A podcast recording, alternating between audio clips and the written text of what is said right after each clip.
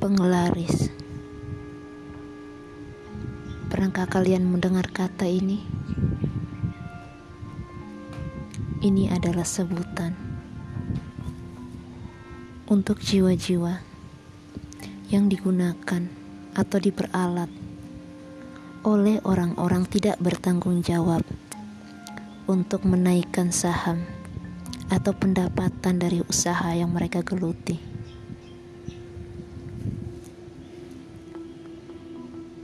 Aku pernah bertemu dengan beberapa penglaris makanan. Awalnya aku merasa tidak menyukai mereka.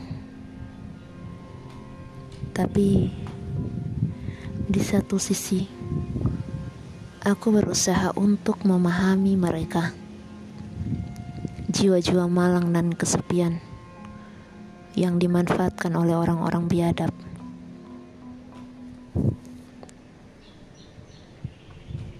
Ada yang diambil tali pocongnya,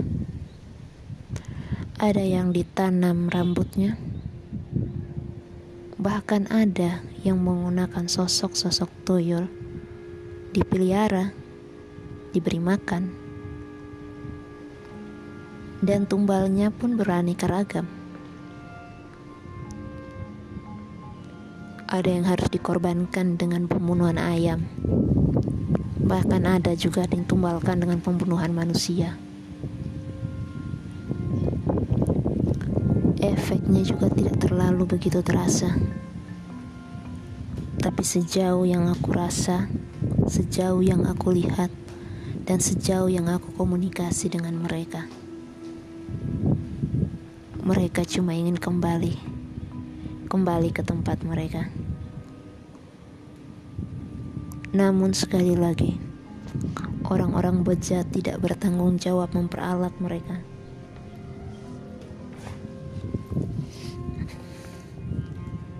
Jiwa-jiwa ini begitu kesepian. Mereka dengan berbagai cara berusaha untuk melepaskan diri dari cengkraman orang-orang yang tidak bertanggung jawab ini. Namun sayang, mereka tidak bisa ke mana pun.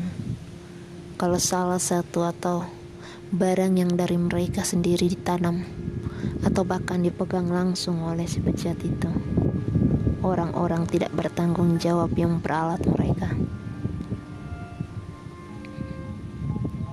Ada satu kisah di mana aku bersama dengan om, tiga orang teman indigo saya. Um, ini bukan menelusuri tempat, tapi mengalami langsung bagaimana satu sosok merasa bahwa ia ingin sekali dibebaskan, tapi tidak bisa. Karena ia sudah ditempatkan di beberapa area. Dan berlabuhlah dia di satu tempat. Rumah makan yang cukup lumayan besar yang baru saja dibangun.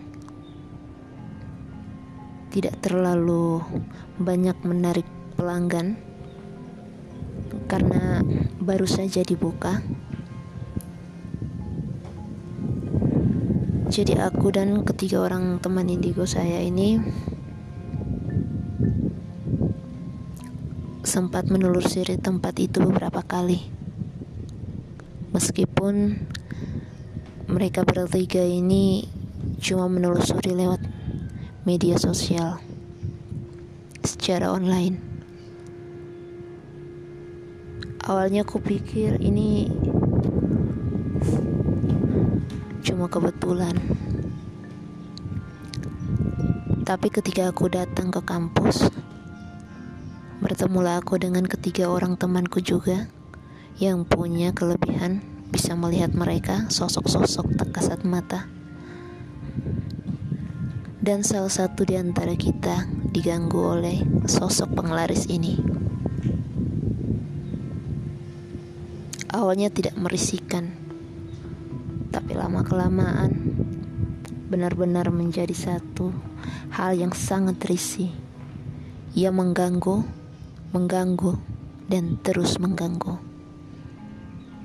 Penglaris ini bukan satu sosok yang masih muda, tapi dia sudah sangat tua. sosok kuntilanak yang entah udah berapa tahun lamanya. Rambutnya sangat panjang, bahkan menutupi hampir semua lantai kos temanku yang diganggu oleh dia ini. Bukunya panjang, hidungnya penuh dengan binatang halus yang berterbangan. Matanya menyolot dan memerah. Rambutnya urak-urakan dan sangat panjang.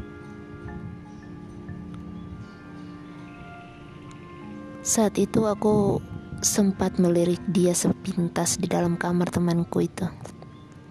Karena saat itu kami belum kenal secara dekat antara aku dan temanku yang punya kelebihan ini juga.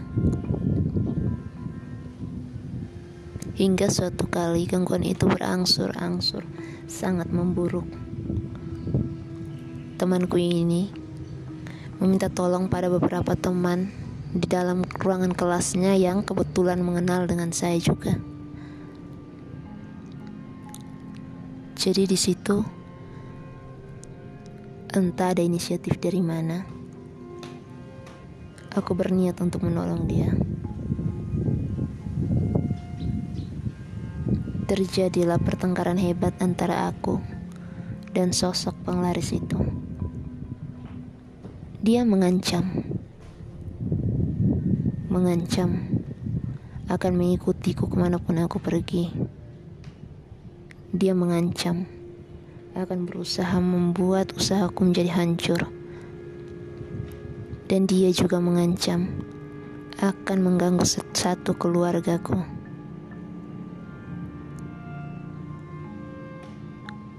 Tapi di balik nada ancamannya,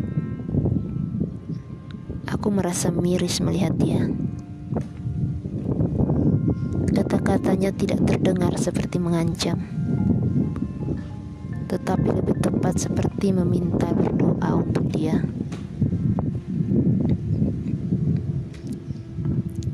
Aku mengajaknya beruntuk berdoa karena dia menantangi saya. Tapi ketika aku sedang dalam posisi berdoa. Dia tidak tahan dan keluar. Sore hari, pukul 6, aku pulang bersama dengan teman lelaki saya. Dan teman saya ini diikuti oleh temannya dia, sosok dari penglaris itu. Dan penglaris itu sendiri mengikuti saya. Jadi ada dua sosok penglaris di situ yang satunya masih muda dan yang satunya sudah sangat tua. Sosok yang tua mengikuti aku hingga ke rumahku. Aku tidak terlalu menyadari sepanjang perjalanan pulangku. Tapi ketika hendak pergi untuk mengisi bensin di kendaraan yang aku tumpangi, Tiba-tiba mobil kami macet. Aku spontan melirik ke kiri dan ke kanan. Berpikir ada apa? Mungkin bannya yang kempes atau air akinya yang berkurang. Atau bisa saja mobilnya sudah tua. Tapi Beberapa teman terkasat mata saya pun bilang kepada saya, dia di atas, dia ngikutin kita, dia ngikutin kamu. Aku nggak kaget karena aku sudah tahu resiko apa yang harus aku alami kalau aku ngebantu orang atau aku lagi ngebantu mereka jiwa-jiwa malang dan kesepian. Ah, sudahlah. Paling juga sebentar dipulangin. Itu kataku. Tapi sosoknya menjadi-jadi. Sesampainya di rumah, dia malah risih denganku. Jam 7 aku sampai dan aku berdoa. Setelah berdoa, sosok ini ngintilin aku atau ngintip aku dari jendela belakang rumah aku. Yang kebetulan saat itu ibuku sedang melihat ke arah jendela itu. Dipakailah sosok mama saya untuk melabrak saya.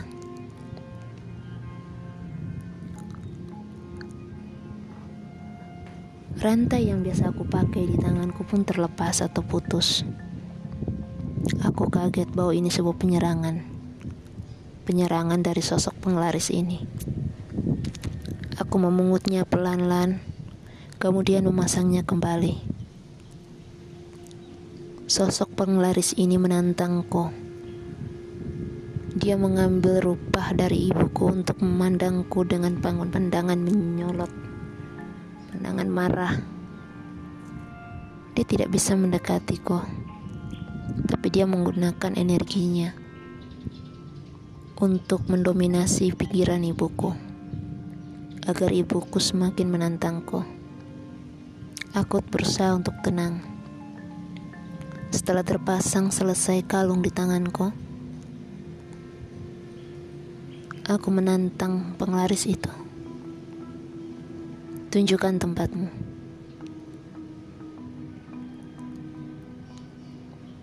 Aku duduk di sofa, lalu berbaring. Kakakku pun menegurku. Kenapa tidak tidur di kamar? Kenapa di sini? Aku dengan spontan menjawab, "Aku sedang menunggu seseorang." Maka tidurlah aku dan melakukan perjalanan astral projectionku. Sosok itu menungguku dari tadi. Dia bahkan dengan wajah masih marah mengeram. Dia mengikuti aku, lalu menuntun aku, menunjukkan di mana tempat rambut-rambutnya itu ditanam. Tepat di tembok yang memisahkan antara rumah makan yang menggunakan penglaris dan juga tembok kos teman saya. Tepat di tengah, di bawah tembok itu dibangun. Rambutnya tertanam di situ. Kuntilanak itu pun sengaja menarikku kuat Sempat ia mencakar belakangku. Punggungku menjadi panas dan kebas. Tapi aku masih berusaha untuk menjelaskan padanya bahwa aku akan tetap mendoakan dia. Dia menjadi marah. Dia semakin nyolot padaku. Dia menunjukkan wajahnya yang lebih menyeramkan matanya yang membesar, mulutnya yang seperti menganga lebar. Aku menjadi sedikit ketakutan. Lalu aku kembali ke badanku. Aku menyudahi astral projectionku. Aku tak mau terlalu berlama-lama di luar. Karena bisa saja sosok penglaris itu menggunakan tubuhku.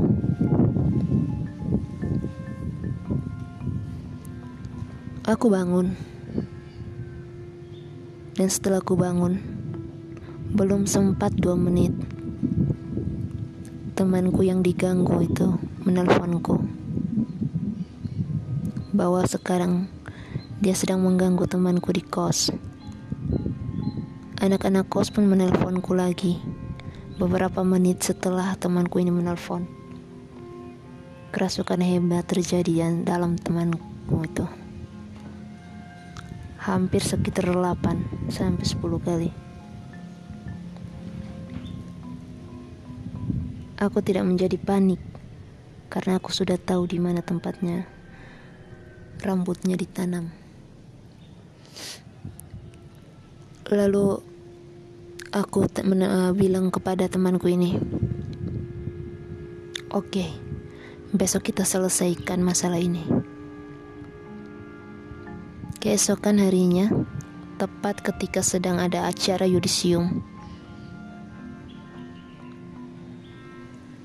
Sebelum pergi ke kampus, aku menelpon beberapa teman indigoku untuk sharing pengalaman sedikit.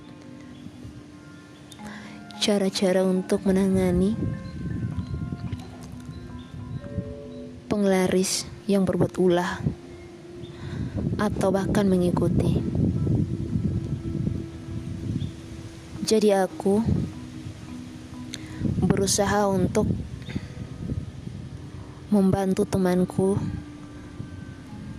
yang sering diganggu oleh si penglaris ini.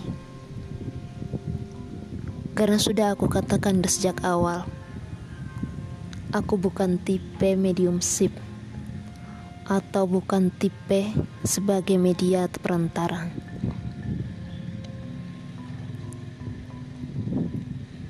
Ketika acara yudisium, aku dan dua orang temanku yang punya kemampuan six sense mereka melirik arahku. Saat itu aku tak bisa berbuat banyak karena saya sendiri menjadi moderator dalam acara yudisium itu.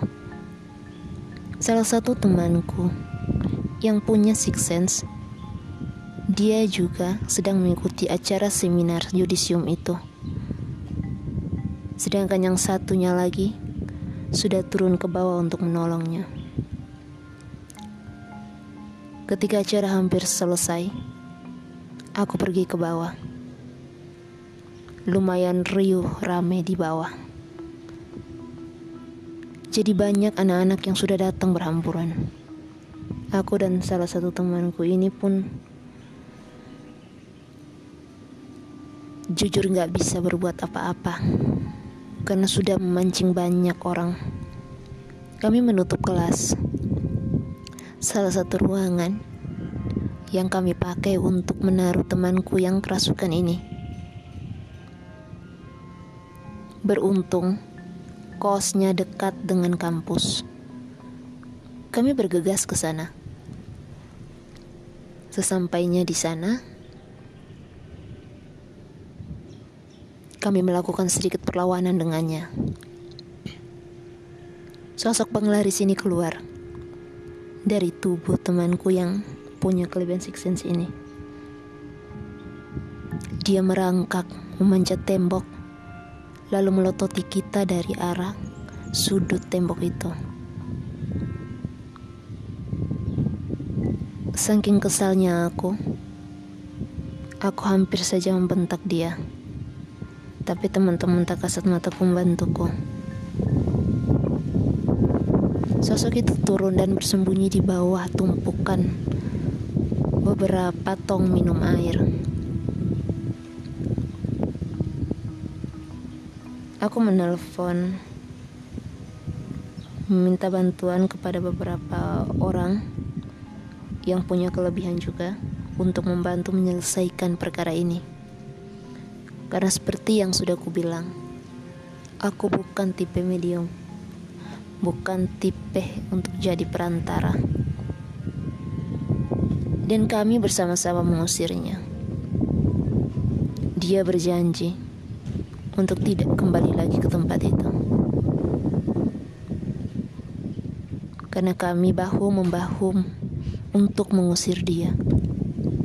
Dengan salah satu cara yang paling ekstrim yang tidak bisa aku sebutkan di sini dan pada akhirnya dia melarikan diri dari tempat di mana ia dijadikan penglaris. Seminggu kemudian, muncul dari dalam surat kabar rumah makan yang menggunakan penglaris ini mencari pekerja baru. Jadi dia memuat lowongan kerja karena beberapa orang pekerjanya sudah mengundurkan diri. Sosok penglaris yang ia gunakan selama ini Ia panggil, tapi tak kunjung kembali. Terakhir kali aku melihat penglaris itu pergi dengan muka yang sudah terbelah dua. Benar-benar amat sangat mengerikan. Tak pernah aku bayangkan bagaimana malangnya nasib jiwa ini.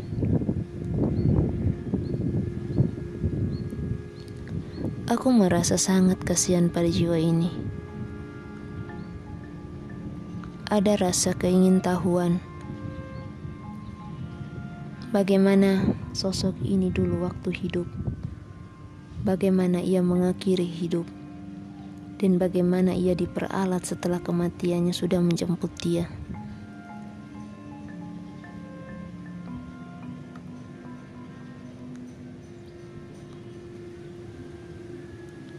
Aku merasa bahwa kelebihan ini punya hal positif untuk membantu orang-orang yang membutuhkan. Tapi di satu pihak, aku juga merasa bahwa ini juga secara tidak langsung mematikan pekerjaan seseorang atau memberhentikan sementara pekerjaan seseorang.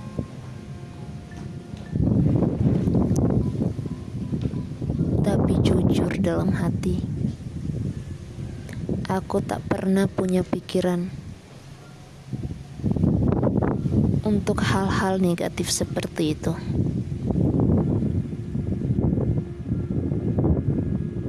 Kini rumah makan itu kembali ramai. Tapi aku bersyukur karena rumah makan ini menjadi ramai bukan karena penglaris, tapi karena usahanya, murni usahanya, real usahanya,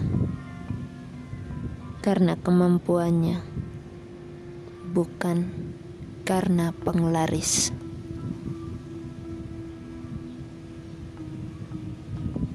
Dalam dialog jiwa kali ini, sebagai pemandu jiwa, aku mengajak kalian semua, sahabat dialog jiwa. Mari kita mendoakan mereka, jiwa-jiwa malang dan kesepian, jiwa-jiwa yang dulu pernah hidup, hidup dalam keputusasaan, hidup dalam ketidakpercayaan. Mari kita mendoakan mereka. Semoga mereka bisa mendapatkan cahaya mereka. Semoga mereka bisa dituntun ke tempat seharusnya. Sekian dialog jiwa hari ini. Kupang 22 Maret 2021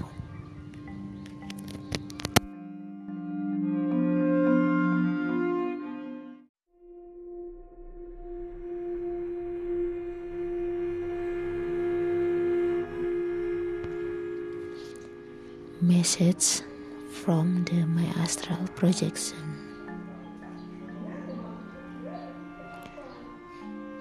Awalnya kupikir dia adalah sepupuku. Sosok wanita berpakaian putih berambut panjang urak-urakan berdiri di pintu ruangan makanku sambil memandang tajam ke arahku.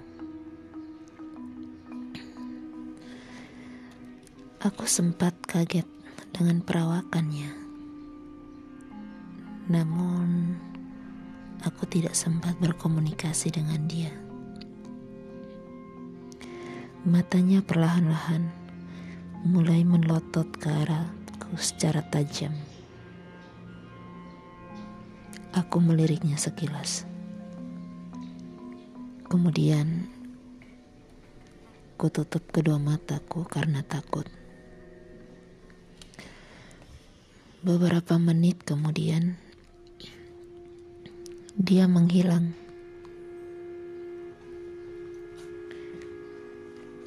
Kejadian itu benar-benar membuatku sangat ketakutan. Karena aku baru pertama kali melihat hal yang seperti ini.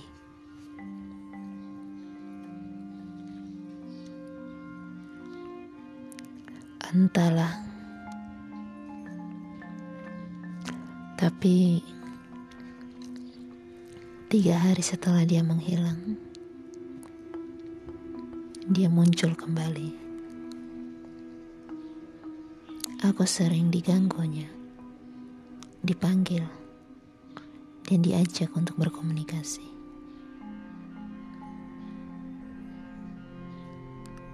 Awalnya sedikit ketakutan tapi lama-kelamaan rasa empatiku mulai muncul. Dia dengan terbuka menceritakan kisah hidupnya. Kisah hidup yang membuat dia akhirnya memilih jalan untuk bunuh diri. Cukup lama aku juga tidak berjumpa dengan dia. Hampir bertahun-tahun. Tapi beberapa hari yang lalu, dia hadir kembali. Secara terang-terangan menunjukkan siapa dia.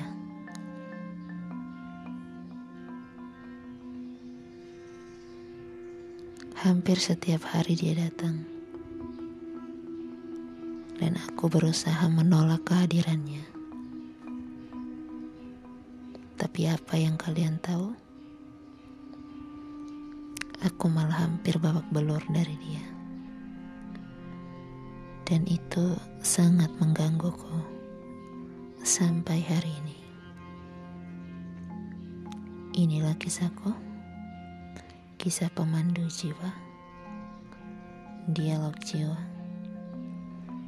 Kupang, 3 Mei 2021.